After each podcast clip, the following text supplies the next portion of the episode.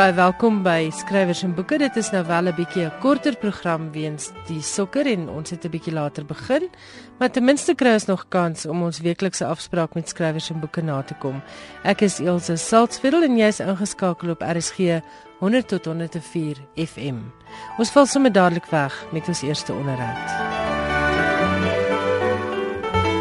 Ek gesels met Johan Nel, die skrywer van Sondag op 'n voelplaas. Johan, baie geluk met hierdie debuut. Dis 'n heerlike lees, baie beskrywend. Jy kry dit reg om die omgewing van die Klein Karoo baie lewendig te maak vir die leser. Nou wil ek weet, hoe het jy aan die skryf gekom? Ja, kyk, ek het daar op Oudtshoorn groot geword en uh, ek het maar altyd 'n liefde gehad vir lees, vir boeke en spesifiek vir stories. En uh, ek weet nie of van die uh, luisteraars sal onthou nie, daar was 'n joernalis daar op Oudtshoorn, was eintlik ons bure gewees, Sue van Waart. En ja. ek het haar altyd so 'n bietjie gehelp om haar stories vir die koerant gereed te kry. En dan weet ek sy het so daar in die Swartberge um, na Prins Albert en Maatjiesfontein gery altyd. Dan kom sy terug met haar uh, bande wat sy opgeneem het. Sy begin die storie oortik.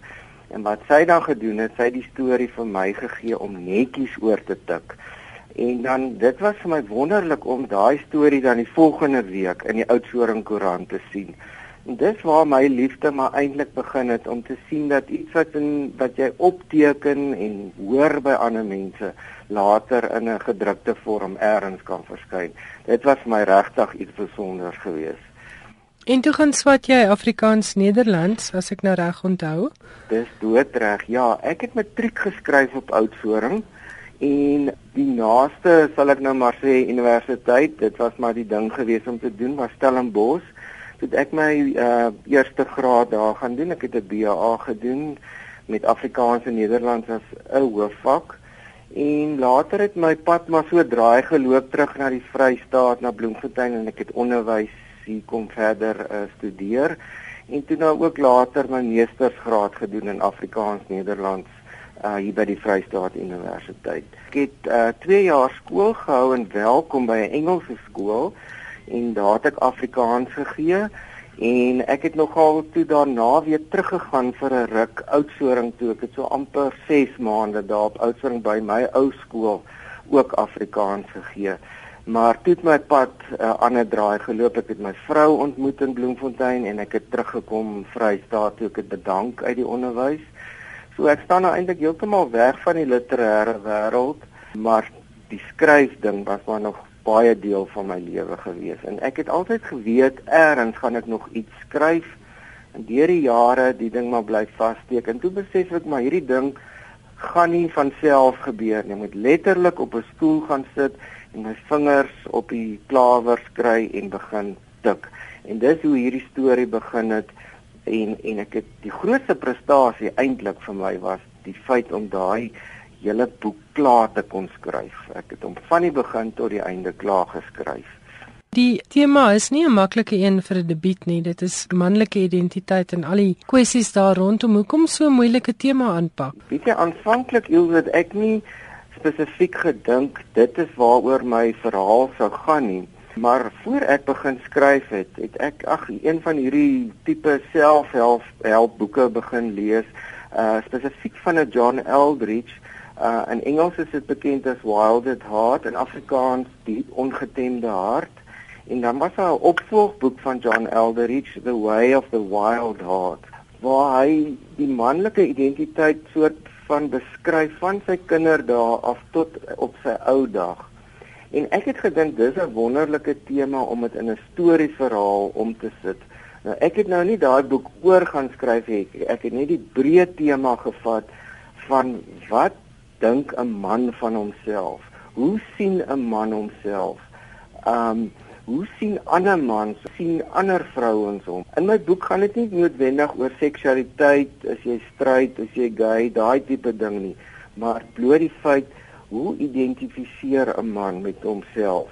En hoe sien ander mans hom en hoe dink hy sien ander mense hom en daai hele tema het net bloot sy eie gang gegaan in my boek. Die verhaal het basies ontvou soos ek al gaande geskryf het.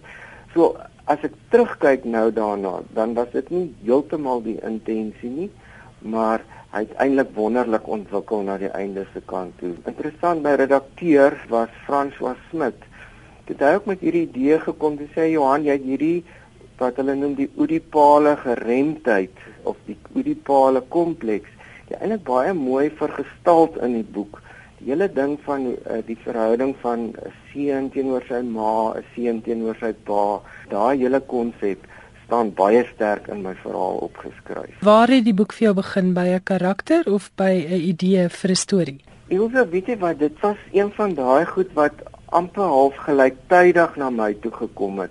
En dit klink dalk nou snaaks, maar die boek se titel het heel eers na my toe gekom. En ek het gedink Sondag op 'n voelplaas lê nou aan 'n baie breë basis van dit wat ek dalk in 'n storie sou wou oorskryf. En my boek het eintlik begin by 'n karakter wat nie so sterk figureer het in die boek nie. Dit het begin by Dirk Brink. Uh, jy sal onthou dis die seun met die uitoog. Daar het my verhaal eintlik begin. Maar algaande toe sien ek nee, die verhaal moet 'n ander loop neem en ek het toe basies weer oor begin skryf en toe het die nuwe karakter die niemand seun nou die hoofkarakter geword met al die ander invloede wat op hom begin inwerk het. So dis waar my verhaal begin het en algaande die karakters ingekom, die storie het ontwikkel. So ek kan amper sê gelyktydig het alles gebeur. Hoekom het jy die ek verteller gekies? Dit is iets waarteen beginnerskrywers altyd gewaarsku word omdat ja. dit so maklik kan skeefloop. Ja, weet jy Ilse, ek het aanvanklik 'n mengsel gehad. Um, ek ek sien Etienne van Heerden praat so van daai koeksuster tipe vertelling. Ek het probeer om 'n ek verteller in te skryf en dan 'n derde persoon verteller. En toe ons daai boek redigeer, het ek baie geagtergekom die ding vlot nie en dit werk nie. En ons het eintlik 'n doelbewuste poging toe aangewend om die hele verhaal oor te skryf in die ek verteller. Dit het vir my lekker gewerk. Ek kon lekker fokaliseer en my indink in ander karakters. En dis hoekom die ek verteller vir my eintlik baie goed gewerk het en ek het hom nie probeer laat verdwyn nie, maar jy sal onthou hy het ook nie 'n naam nie. Baie mense vra vir my, het ek nou eers iets gemis? Ek het nou 'n paar keer teruggeblaai en ek sien nêrens die verteller se naam nie. En dit was maar my manier om soort van as die ek verteller te skuil agter wat alles in die storie gebeur. Nou baie skrywers sê vir my en baie mense wat die letterkunde ken, sê in 'n eerste boek is daar baie autobiografiese aspekte. Nou, is dit so van Sondag op 'n voelplaas? Ilse, weet jy, daar is definitief autobiografiese momente en dan praat ek van goed soos plekke en dinge wat gebeur het met ander mense. Die boek gaan glad nie oor my nie. Niks in die boek het betrekking op my as sodanig nie. Maar ek het die omgewing wat ek goed ken, is definitief deel van waar ek groot geword het. Dit het ek sterk ingebring in in, in my verhaal. Um en daar was so een of twee insidente wat met my gebeur het. Daar's 'n insident as jy sal onthou waar die verteller toe hy nou al besig is met sy diensplig, moet hy gaan diens doen in 'n gevangenis en dan moet daar nou van die gevangenes kom matriekeksamen skryf. Nou dit was 'n oomblik wat werklik in my lewe gebeur het. Ek het vir 'n ruk in die gevangenis gewerk tydens my diensplig. uh, 'n ander insident is maar die een waar ek vertel van hoe die verteller voorlees uit Daleen Matthee se Villa se kind en dit het ek graag gedoen toe ek nog skool gaan. So daai tipe goedjies wat so hier en daar staan, sou ek nou dan noem as autobiografies en interessant. Mense wat baie naby aan my is, my kinders byvoorbeeld, hulle sê vir my pappa, ek hoor jou in die boek praat. So die taalgebruik is definitief dan nou seker maar eie aan my, maar ek dink dis dit omtrent so ver as wat dit gaan. Maar jou regte werk is redelik verwyderd van die letterkunde. Jy's 'n mediese verkoopsverteenwoordiger. Dis reg. Ja, ek werk vir 'n groot Franse maatskappy en dit is nou al heelwat jare wat ek in die bedryf is, maar nog steeds dit staan bietjie weg, maar ek doen bietjie vertaalwerk vir hulle ook. Jy weet, daar's promosiemateriaal wat in Afrikaans moet verskyn. Ek doen dit vir hulle. Maar ja, dit is nou my beroep wat ek voltyds beoefen, maar in die sakewêreld. En sê vir my, gaan daar nog 'n boek uit jou pen kom? Ilse, ek hoop so. Ek is besig met 'n tweede poging wat ek oomblik mee besig is. Dit gaan bietjie te stadig na my sin, maar ons probeer. Ek is besig met 'n verhaal wat in die Langkloof afspeel hierdie keer. Dit is nou weer waar my ma groot geword het, daar tussen al die kritsingers en so aan. En die herselman. My pa was 'n herselman, ja. Kan jy glo? Dis wonderlik. Ek ek gaan ietsie probeer skryf oor 'n appelboerdery en die mense wat daar rondom boer en so aan. Hoe en wat presies nog moet ek nog alles mooi uitwerk. Maar Johan, ons sien uit na jou tweede boek en baie geluk met Sondag op 'n voorplaas. Baie dankie Ilse, ek waardeer dit regtig. Dis die stem van Johan Nel en ons het gepraat oor sy debuut Sondag op 'n voorplaas. Die boek kos R220 en het verskyn by Tafelberg. In 1987 het Jan van Tonder die pragtige boek is Sagie gepubliseer. Die boek is met ewe groot lof ontvang deur lesers en kritici en is in 1988 aangewys as die naaswenner van die ATKV Prosa Prys. Nou aanhangers van Sagie gaan baie bly wees om te hoor Jan het dit onlangs opgevolg met 'n tweede boek is weer Sagie. Ons gesels telefonies. Baie welkom by Skrywers en Boeke.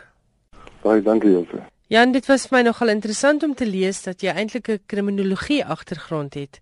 Hoe het dit toe nou gebeur dat jy 'n uh, Afrikaanse skrywer van letterkundige werk geword het? Ek het kriminologie en sielkunde as hoofvakke gehad en ook Afrikaans. Ek het nooit verder gegaan in Afrikaans nie en daaroor is ek nogal baie spyt. Maar toe het ek tronk toe gegaan en daar gewerk vir 'n jaar en daarvandaan 'n opleidingsbeampte geword by 'n myngroep vir 'n stuk of 2 jaar. En toe was ek 7 jaar aan en af wel ja, meer anders anders af 'n joernalis gewees en in 'n stadium het ek besluit ek het lus om hierdie boek te gaan skryf die eerste een van Isagie ek het toe reeds 'n mislukking agter die rug waaroor ek nie wil praat nie. Uh, eerste boek eerste sonde en hy lê agter my Ek het ergens gelees 'n sagie het basies begin terwyl jy soos jy dit stel verbann is na die wagtoring van die tronk. Het jy die idee gekry om oor hierdie eenvoudige maar opregte mens te skryf? Dis dis reg so. Ek het daar op die wagtoring gestaan en nie gedink dit is waarvoor ek uh, gestudeer het nie. Hulle was vir my kwaad omdat ek ander beklei het teen aanrandings op gevangenes en dis dit nou met my straf om daar bo te staan. Dit is 'n tronk vir Indiërs en swart mense en bruin mense en dit is totaal oorbevolk. En ja, dit is daar bo en ek dink toe net maar in in al die slegte dinge om my en in my en ek wil toe iemand maak wat onskuldig is en toe ek al die skuld uit uit hierdie karakter gehaal en dit word toe nou Safi wat absoluut onskuldig is en 'n bietjie traar van verstand as ander mense. Maar dit het as 'n kort verhaal begin of het dit as 'n roman begin?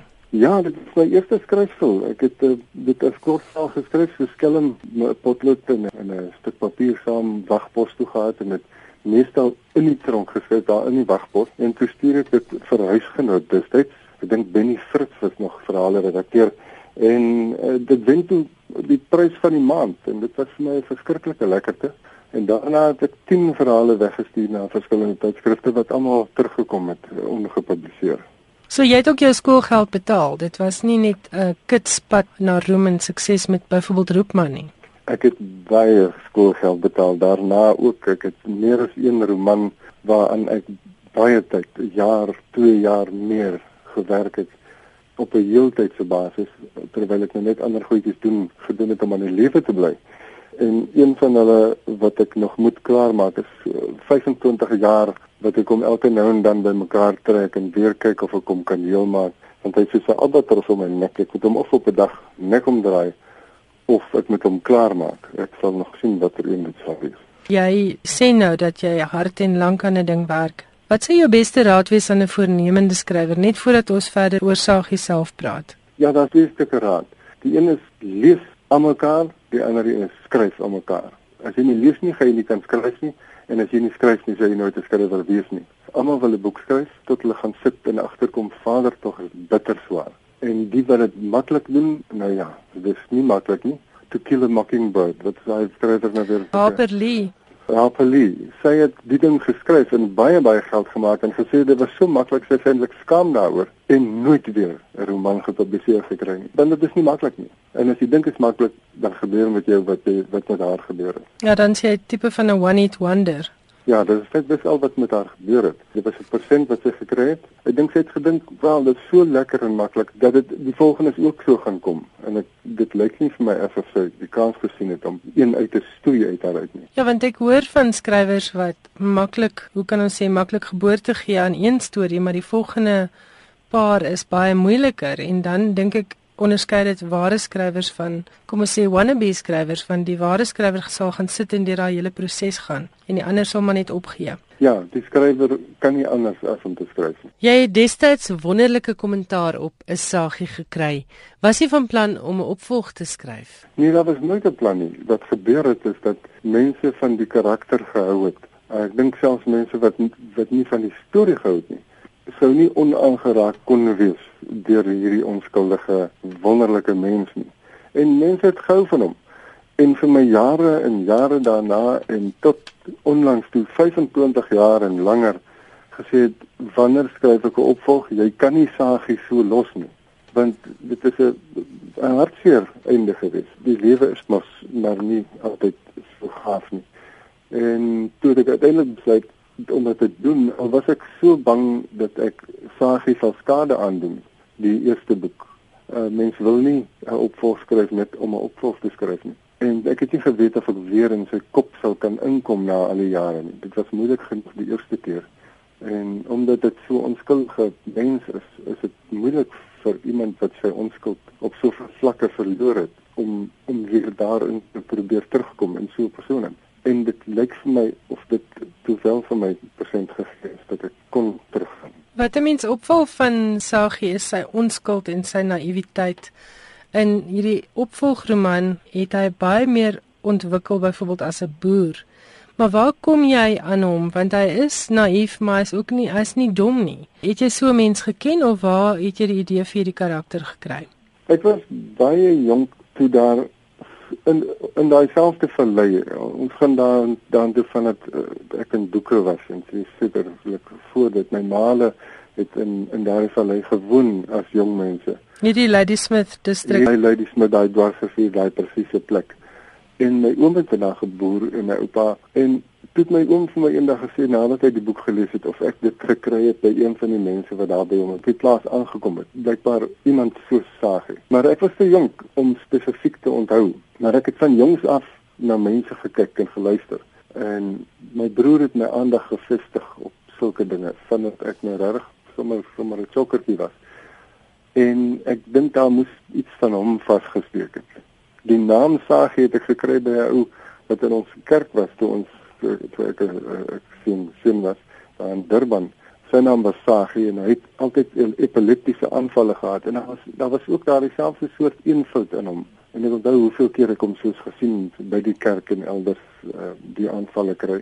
En ook gesmet om gepraat uh, tussenin. Ek dink daar is ook ook 'n vlammetjie gewees. Met ander woorde wat jy sê jy kry jou stories uit 'n klomp verskillende bronne. Dit is nie net die opskryf van een mens se verhaal wat jy erns raak geloop het nie Nee, nee nee, ek ek sit dit almekaar. Ek, ek maak ook mense uit niks uit nie. En soms kom karakters ingestap ongenooi en ek weet nie wie hulle is nie.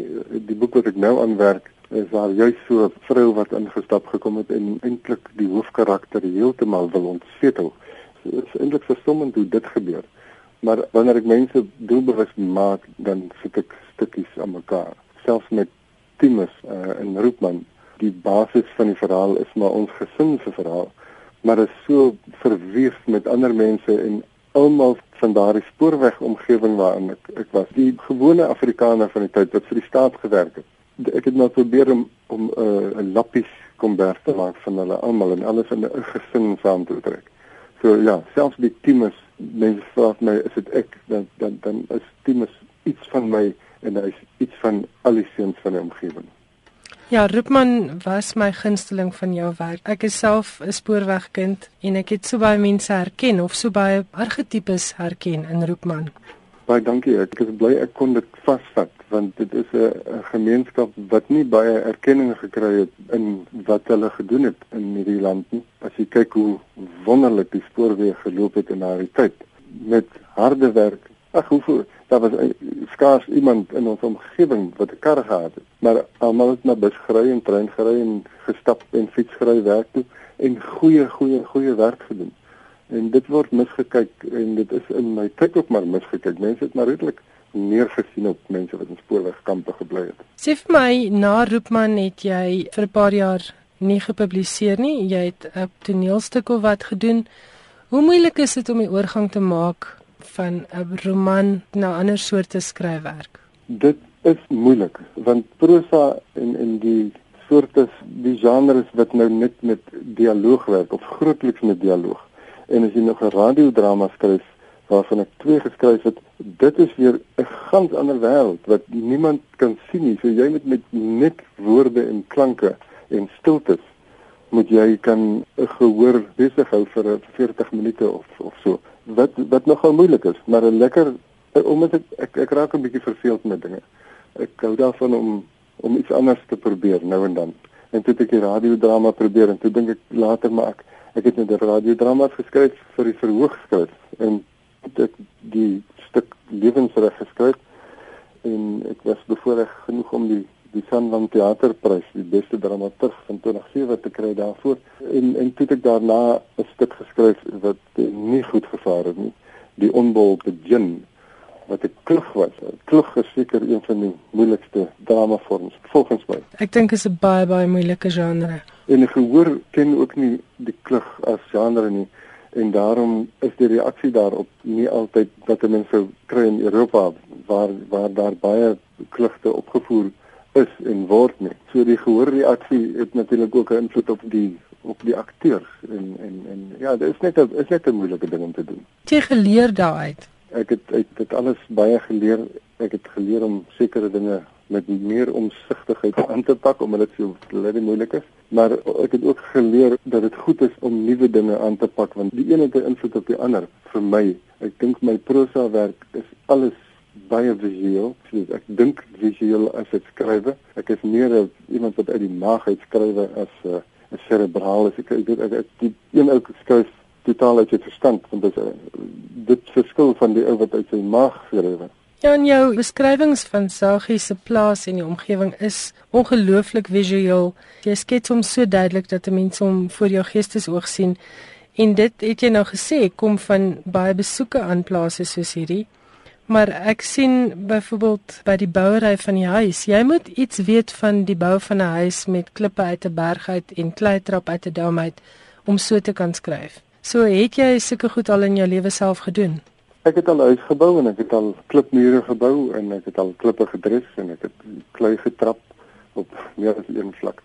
Ek het baie gehou van die boerdery. As ek daar kom dan dan neem ek deel. Ek kan ploeg, ek kan ja, ek het van van kinds af het ek het ek met my hande gewerk en ek ek kon 'n yskas regmaak op laerskool. Sulke dinge. Ek dink my pa was het, het so gou as moontlik vir my geleer sodat hy dit nie hoef te doen nie. en my broer het gemaak asof hy 10 duim het uh, sodat hy dit nooit hoef te geleer het nie. Toe het ek dit gedoen en ek is baie bly want dit dit is alles goed wat 'n mens later kan gebruik. Daar's niks wat met jou gebeur as skrywer wat jou net kwaad kan aandoen nie.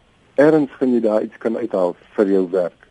En dit is nogal 'n belangrike ding vir skrywers om te leer dat 'n mens nie vinkies vinkies en kindertjies in jou hande laat kom nie want dan gaan jy nie kan skryf nie. Ek ek sê nie jy moet 'n bordeel besoek om te kan skryf oor een nie, maar ek weet dat een dramaturg het gaan 'n klomp geld bestee in sulke plekke. Dit paaldansers gaan kyk en dit en dat en dat in in, in skootdansers en so. En wonderlike dramas daar uitgeskryf. En dat hy nie sou kon doen as hy dit nie gaan kyk het nie. Met ander woorde wat jy sê is mens moet eers bietjie leef. 'n Mens moet natuurlik leef en jy moet nooit nooit ophou leef nie. 'n Mens sal altyd agterkom as iemand iets beskryf wat hy net so saggies saggies van gelees het of gehoor het of 'n klein bietjie op die internet gaan kyk het. Ek moes nou eendag toe ek in Oudtshoorn was vir navorsing vir my moes ek byvoorbeeld gaan leer hoe om 'n kameel te ry want ek kan dit nie beskryf net uit wat ek op die internet gesien het nie. Moes dit loop doen. Sulke goed. Mens moet maar dit wys in die skrywe altyd.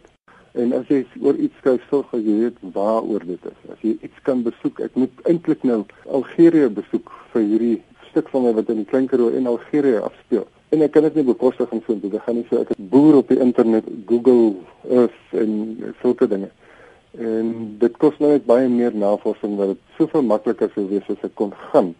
Soms kan 'n mens nie, dan moet jy daar sonder klaarkom, maar as jy kan gaan, gaan na die plek toe waaroor jy skryf en sorg dat jy die dit wat jy waaroor jy praat geloofwaardig gemaak. Sommige eerstehandse ondervinding. Altyd beter. Ek sou net sê as mense wil skryf, is dit ook nogal goed om in verskillende genres, soos ek al reeds gesê het, enigiets wat 'n mens kan doen, soos vertalings, rubrieke, nie fiksie. Daar's 'n klomp goed wat 'n mens kan skryf en elke keer help dit jou met met die dit waarmee jy besig is. Maar fokus op skryf en skryf en lees en lees. Dit is maar die twee goed.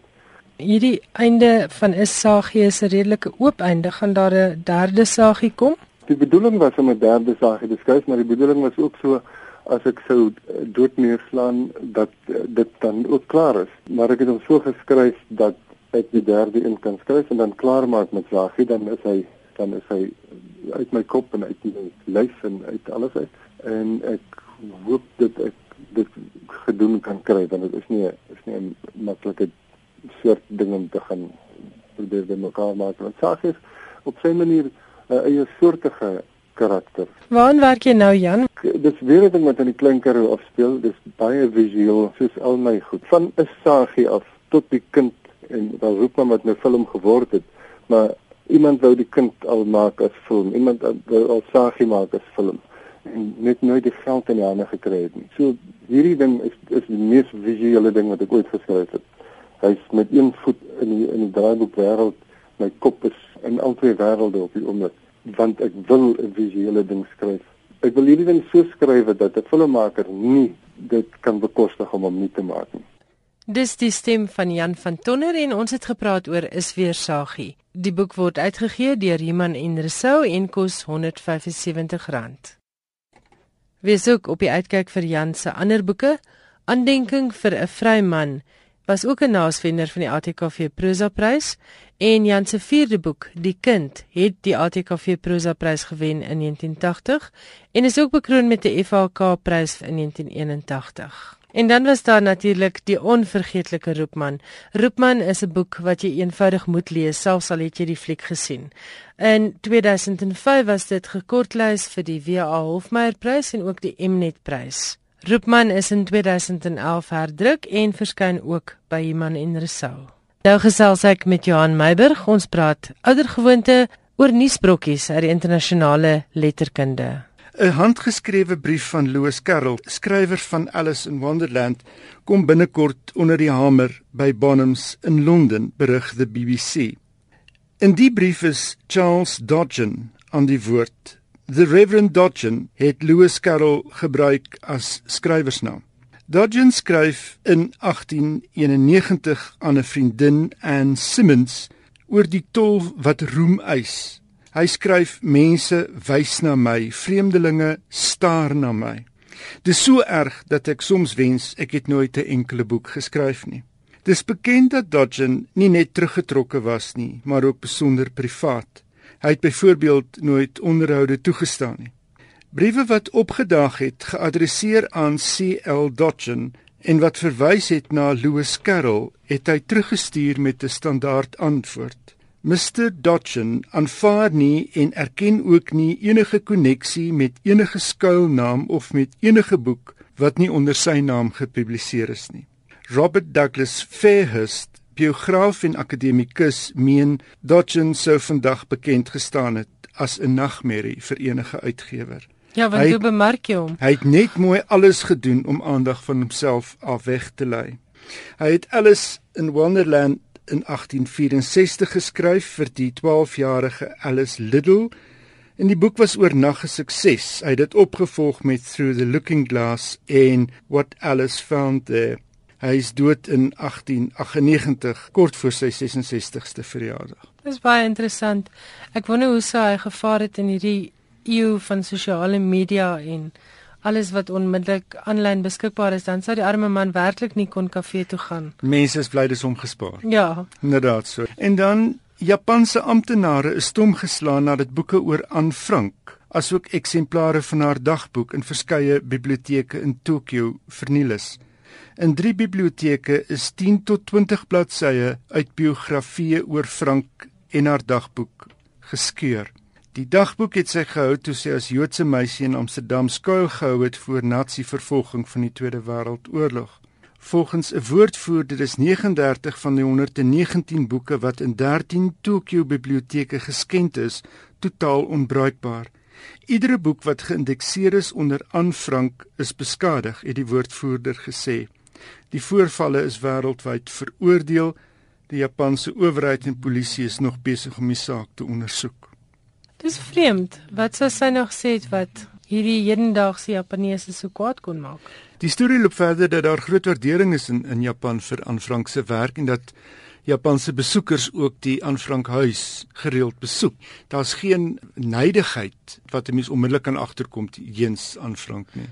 Dan het jy nog iets oor oor Stieg Larsson. O ja. Nou Eva Gabrielsson, 32 jaar lank die metgesel van Stieg Larsson, die Sweedse skrywer van die Millennium reeks misdaadromans, het onlangs aan die New York Times gesê om te werk as skrywer is nie dieselfde as om in 'n fabriek te werk nie. Met die opmerking het sy haar vel kritiek uitgespreek op planne om 'n vierde boek in die reeks uit te gee. Larson se uitgewer het aangedui dat David Lagerkrantz die aangewese skrywer is om die vierde boek in die reeks te skryf. Gabriel Son het beswaar gemaak dat daar op die afgewaterde manier munt geslaan word uit Larson se werk. Sal iemand 'n nuwe skildery, het sy gevra, maak en dit deel maak van die Picasso versameling? Sal iemand met Bertolt Brecht se karakters 'n nuwe Bertolt Brecht stuk skryf? Maar die wiel is reeds aan die rol en laat volgende jaar word nuwe lewe geblaas in Larsson se karakters Lisbeth Salander en Michael Blomqvist van die Millennium trilogie The Girl with the Dragon Tattoo, The Girl Who Played with Fire en The Girl Who Kicked the Hornet's Nest is meer as 75 miljoen eksemplare verkoop. Larsson is in 2004 dood op 50 jarige ouderdom. Hy het die Sweedse Expo stigting op die been gebring om die groei van ekstreme regses en wit magsgroepe in skole onder jong mense teen te werk. Hy was redakteur van die stigting se tydskrif Expo. Larsson is nooit met Gabrielson, 'n argitek, getroud nie omdat hy gevrees het sy kan 'n teken word van onder meer neo-nazi groepe. Dis 'n interessante ding om iemand te kry om na doods onder iemand anders se naam aan sy werk te werk. Ek kan nou verstaan as daar 'n soort van 'n 3 kwart klaar manuskrip was, maar om nou 'n heeltemal 'n nuwe manuskrip te skep, voel vir my ook so half na uitbuiting van sy naam. En dit is al wat sy sê, dit is doodgewoon om in te slaan uit sy naam en daardie die golf van van gewildheid verder te ry. Verder te ry. Ja. Ek kan verstaan soos in Banks waaroor jy vroeër gepraat het, so geval dat daar nou 'n bundel uitgegee word om sy 60ste verjaarsdag te herdenk, maar dis werk wat hy self werk. voor sy dood geskep ja. het. Hierdie is vir my ander Ja. Ek dink wat wat sy sê is dis anders om te skryf as in as, as om iets in 'n fabriek te maak. Heeltemal. Ek dink die verskil is die die die storie raak belangriker en nie die skrywer nie. Nou ja, dit was ouer gewoonte Johan Meiburg met 'n lekker versameling interessante stories uit die internasionale wêreld van boeke. Johan baie dankie. Okay. Dit was Johan Meiburg en ons het gesels oor internasionale letterkunde en interessante nuus uit die boekewêreld. Ek is Elsje Saltzwil en ongelukkig moet ek nou groet want die tyd het ons aangehaal. As jy 'n SMS wil stuur, ons nommer is 3343. Ongelukkig geld gratis SMS'e nie en elke SMS kos R1.50. Jy kan ook e-pos na skrywers en boeke by rsg.co.za. Baie dankie dat jy saamgeluister het. Volgende week is ek terug met skrywers en boeke in die normale tyd geleef. En daarmee groet ek Elsje Saltzwedel tot volgende Woensdag aand net na 8.